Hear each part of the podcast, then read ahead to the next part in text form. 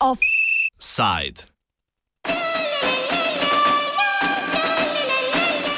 Putinov briljantni valček. Rusko ustavno sodišče je potrdilo skladnost ustave in predlaganih sprememb ustavnih amantmajev. S tem je reforma prešla vse nujne ovire na poti sprejetja. Potrdila sta jih oba domova Dume, na to regionalni parlament in sedaj še ustavno sodišče. Sledi le še referendum, napovedan za 22. aprila ali 150. obletnico Leninovega rojstva. Datum izvedbe referenduma je sedaj sicer ogrožen, saj je predsednik Vladimir Putin vsaj do konca marca zaradi koronavirusa odredil vse splošno karanteno prebivalstva. Predstavnica za medije zgornjega doma Dume, Valentina Matvijenko, trdi, da mora biti referendum vsekakor izveden na vkljub virusu. Na referendumu v tako imenovanem vseruskem glasovanju glasovanju bodo voljivci lahko zavrnili ali potrdili vse spremenjene amantmaje. Zavrnitev posamičnih amantmajev tako ni mogoča, če tudi bi to ruska ustava omogočala.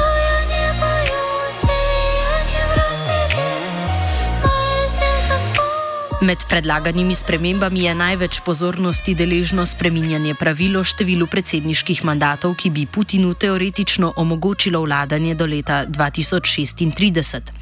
Poleg tega amandmaji povečujejo moči predsednika, pa tudi obeh domov parlamenta. Parlament bi pa novem lahko imenoval premijeja in ministerski kabinet, kar je do sedaj opravljal predsednik države. Predlagane spremembe so še, še redno, so še redno usklajevanje višine pokojnin s cenami osnovnih življenjskih potrebščin, zapis, da minimalna plača ne more biti nižja od praga revščine in zaostreni pogoji za predsedniško kandidaturo. Kandidat mora živeti v Rusiji neprekinjeno najmanj 25 let in ne sme imeti tujega državljanstva.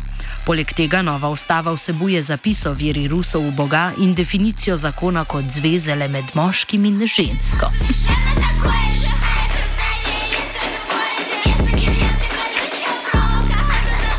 Ben Aris, urednik portala bne IntelliNews, o nepresenetljivo uspešni poti amadmajev do referenduma in o rezultatu referenduma. It was no surprise that the Constitutional Court approved the proposed changes. Um, most of the judges on the judges on the Constitutional Court can all be sacked by Putin, so he has complete control over that. And the same with the regional parliament uh, parliamentarians. That again, most of them are beholden to the centre for subsidies, uh, their income, their positions. So again, you know, there was going to be a rubber stamp process. The referendum will happen as soon as is possible. And according to the polls, the constitutional changes will be passed, um, be approved by the people. And that's partly because, on the whole, the Russian population is genuinely happy with Putin. Putinova priljubljenost ali pa vsaj navajenost na njen pojasnjuje tudi, zakaj spremembe ustave niso v spredju pogovorov ruske javnosti in tudi pred izbruhom koronavirusa niso bile. Tako Rina Pletršek, sodelavka aktualno-politične redakcije Radia Student, ki živi in študira v ruskem Jekaterinburgu. Po veliko ljudi sploh ni do njih prišle te informacije, predvsem mlade, kot sem sprašvala, jim je vse vse, kar se nekako ve, da je pač bi se podaljšala predsedniška doba Putina. Ampak tukaj ljudje pravijo, vse, kaj pa lahko spremenimo, vse, če ne bo Putin, bo pa nekdo, skor, s katerim bo upravljal Putin. In pač je treba razumeti, da večina mladine v Rusiji se je rodila, ko je prišel Putin na oblast in ne poznajo nič drugega kot vlasti Putina. In je po moje zelo težko, da. da bi se zavrnili na tem referendumu, zaradi tega, ker ljudje ne poznajo nič drugega, zaradi tega, ker se bojijo, da kaj pa če on gre, bo pa še hujši. Največja sprememba ustave je v dovoljenem številu predsedniških mandatov. Po sedanji ustavi lahko predsednik vlada le dva zaporedna mandata, vendar pa celotno število mandatov ni bilo omejeno. Putin je tako vladal kot predsednik, nato kot premijer in kasneje ponovno kot predsednik. Po novi ustavi bi bila eni osebi omogočena le dva predsedniška mandata v življenju. V zadnjem trenutku spreminjanja ustavnih amantmajev pa je ruska poslanka Valentina Tereškova iz Putinove stranke Združena Rusija predlagala, da se z novo ustavo štetje mandatov začne z ničle. Posledično bi Putin tako lahko dopolnil svoj trenutni mandat leta 2024 ter na to predsedoval še dva mandata do leta 2036.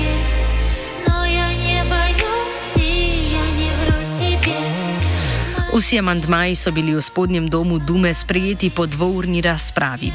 Eris opiše sprejem predlagane spremembe 5 pred 12. It was obviously a managed piece of political theatre that, you know, the, the, this amendment to reset the term clock to zero um, was introduced at the very last minute. And moreover, they chose um, Russia's first ever female cosmonaut to propose this amendment. And the point of choosing her to float the idea, she's she's been in the Duma since the 60s. And the reason by choosing her meant that it's very difficult to criticize her because she is undoubtedly and clearly a hero of Russia, you know, a, great patriot, um, someone the entire country is enormously proud of, the first lady in space. And it was proposed at last minute so that there was no chance for debate. And more importantly, there was no chance for protests because the amendment was suggested and two hours later it was passed. There's no way for the opposition to actually do anything about that and make this an issue. Med druge predlagane spremembe sodi podelitev večje moči posvetovalnemu telesu predsednika, državnemu svetu in okrepljene predsednikove pristojnosti nad sodno vejo oblasti. The other significant change, maybe, is the promotion of the State Council, which is a grouping of governors um, where they can sit. That that will be promoted to the level of federal body, um, which gives it more real power. But again, that's another tool for the Kremlin to use because uh, instead of going to the Duma deputies, they can now go to the state council where the governors are represented. But then that gives them a tool to reach down and interfere in each and every one of Russia's 83 regions by using the state council. And Medvedev is going to go and sit there. Uh, and I saw that as a sort of supplementary tool to um, to Putin's uh, powers. And he also gains some powers um, in terms of sacking judges. So he tightens his control over the judiciary. Um, so he ends up coming out of this um, even stronger than he did, although the office of the presidency is a bit more tightly defined um, and capped in some respects. Za uspešen sprejem ustavnih sprememb Putin poleg pozitivnega rezultata na volitvah potrebuje tudi visoko volilno deležbo, ki bi legitimizirala spremembe ustave kot ljudsko dobro in ne le podaljševanje Putinovega držanja na oblasti. In order to make a change like that, you can't force that on the people. You need to legitimize it. Russia is a sort of hybrid democracy where the Kremlin can organize, you know, replacements for Putin and put who they want in, and they can organize it so that the, the party of power, United Russia, will win the elections. But they still need genuine at least 50% of the votes. They need to genuinely get at least half the population on board with any of these changes because if they don't, if they try and force the issue through, you'll get mass street protests. And we saw that exactly in 2011 when they did um, interfere. They fixed the Duma election so blatantly, we ended up with 100,000 people uh, on the street in mass demonstrations. We had violence at Bolotnaya Park. And that's the downside side. This is why the Kremlin has to make the effort to get a genuine vote. And this is why the, uh, Putin needs to legitimize these constitutional changes with a referendum. Po Erisovem prepričanju bodo k želeni volilni udeležbi, zato upajo, da bo znašala vsaj polovico volilnih upravičencev, pripomogle razmere, v katerih je referendum razpisan. Putin's timed this very cleverly. Once again, Russia is facing a huge global crisis. It's being, as far as they're concerned, attacked by the Americans. The oil price has collapsed. The ruble has devalued significantly, um, and the country's being swept by a killer virus. And so Putin, if anything, to the Russian people, he he's a, a sign of stability, of someone who can deal with crises. And so for Putin, the timing of this referendum is absolutely ideal. And I don't think that's necessarily a coincidence. Um, if you remember, the oil price collapse was engineered by Russia because they voluntarily withdrew from the OPEC agreement, and the results of that on the effect of that on the oil prices was entirely predictable. Na 68 straneh predlaganih sprememb so seveda tudi druge spremembe. Med drugim naj bi nova ustava zakonsko zvezo definirala kot zvezo med moškim in žensko. Eris meni, da so takšni predlogi kulturnega boja namenjeni kot dimna zavesa resnično pomembnemu predlogu o Putinovih bodočih mandatih, hkrati pa skrbijo za višanje volilne udeležbe. If you look at the, the bulk of the proposals made, um, being cynical, um, and I think you should be cynical. Um, I, I, think a lot of the proposals that were, were made are designed purely to make sure that people turn out and vote in the referendum because the key here is to make sure that the important change, which is to allow Putin to stand for two more terms, goes through through. And that means that you need a decent turnout of voters in order to legitimize this change. And the topics they've chosen, particularly the one about a union, a marriage is a union between men and women. And all said and done, Russia remains a very conservative society. And issues like that, I mean, they're very traditionalist when it comes to things like marriage and, and their attitude to homosexuality. Uh, in Russia, it's something like 75% of the population um, see homosexuality as a sickness. And an issue defining marriage as between a man and a woman is one that will bring the masses out, is one that appeals to the, the masses of the Russian voters and one that they can get behind and approve of. Uh, and very few other countries have actually gone that far. So, and unfortunately, it's now going to be in the constitution, which means it'll be almost impossible to undo it, which has sort of set back gay rights in Russia by decades, um, if not longer. Nova ustava bi tako hkrati okrepila moč predsednika na področju sodstva in podaljšala Putinovo predsedniško kariero, po drugi strani pa okrepila institucije kot sta Duma in posvetovalni državni svet. Ben Eris o trenutni teoretični, mo teoretični moči Dume, ki pa jo v praksi slabijo Putinu podložni premijeji, ki ne izkoristijo vseh pristojnosti in le sledijo predsednikovi politiki. To be, um, to be clear, the constitution already vests most of the power in the Duma. And not in the president's office. Although since Yeltsin and now with Putin, the presidency has become more powerful. But the reason why the Duma plays such a little role is specifically because Putin put in Medvedev, who has been incredibly weak as a prime minister and hasn't exercised any of the real power that Duma has. He's just done what he's told. So for Putin, thinking beyond 2014 or beyond 2036, if he does stay that long, then just by appointing a strong prime minister who has a clear idea, then that prime minister uh, will balance the president's power to some extent. Uh, and you want this sort of conflict, this overlap of powers between the two, because it means that everything has to be done by negotiation.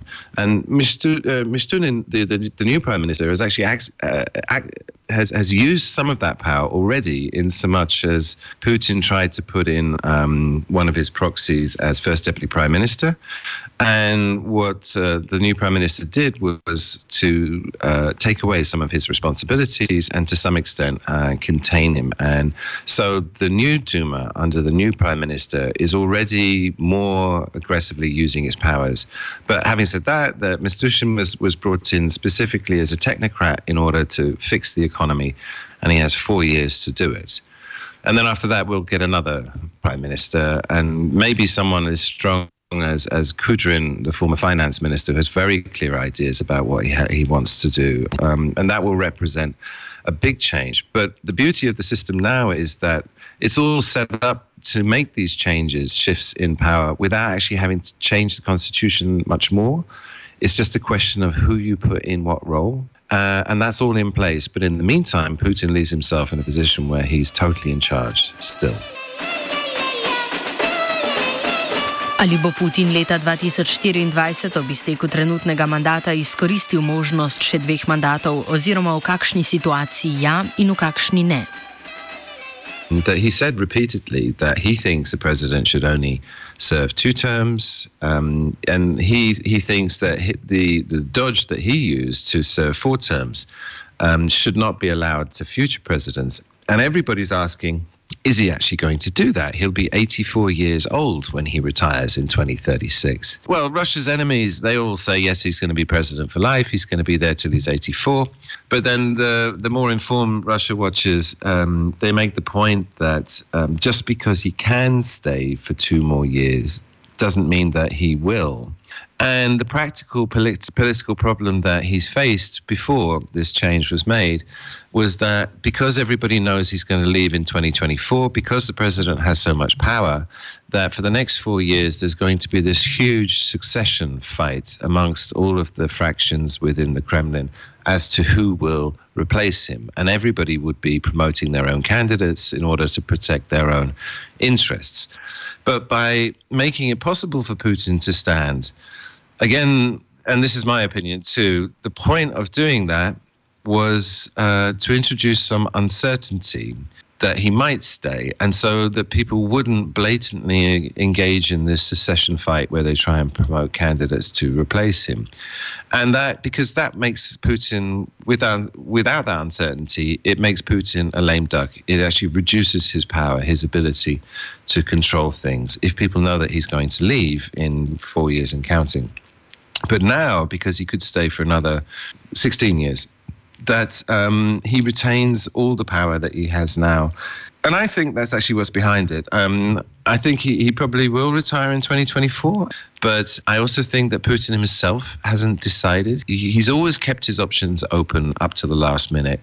And he'll see when we get to 2024, if the 12 national projects have worked, if Russia is prosperous, if it doesn't feel threatened by the states or anybody else, if it's risen above the sanctions regime, whether the standard of living is on a par with the rest of Europe, and if all these things that he wants to achieve are more or less done, then he'll be my job is done and I'll take my legacy and I'll retire and put someone in charge who I can trust.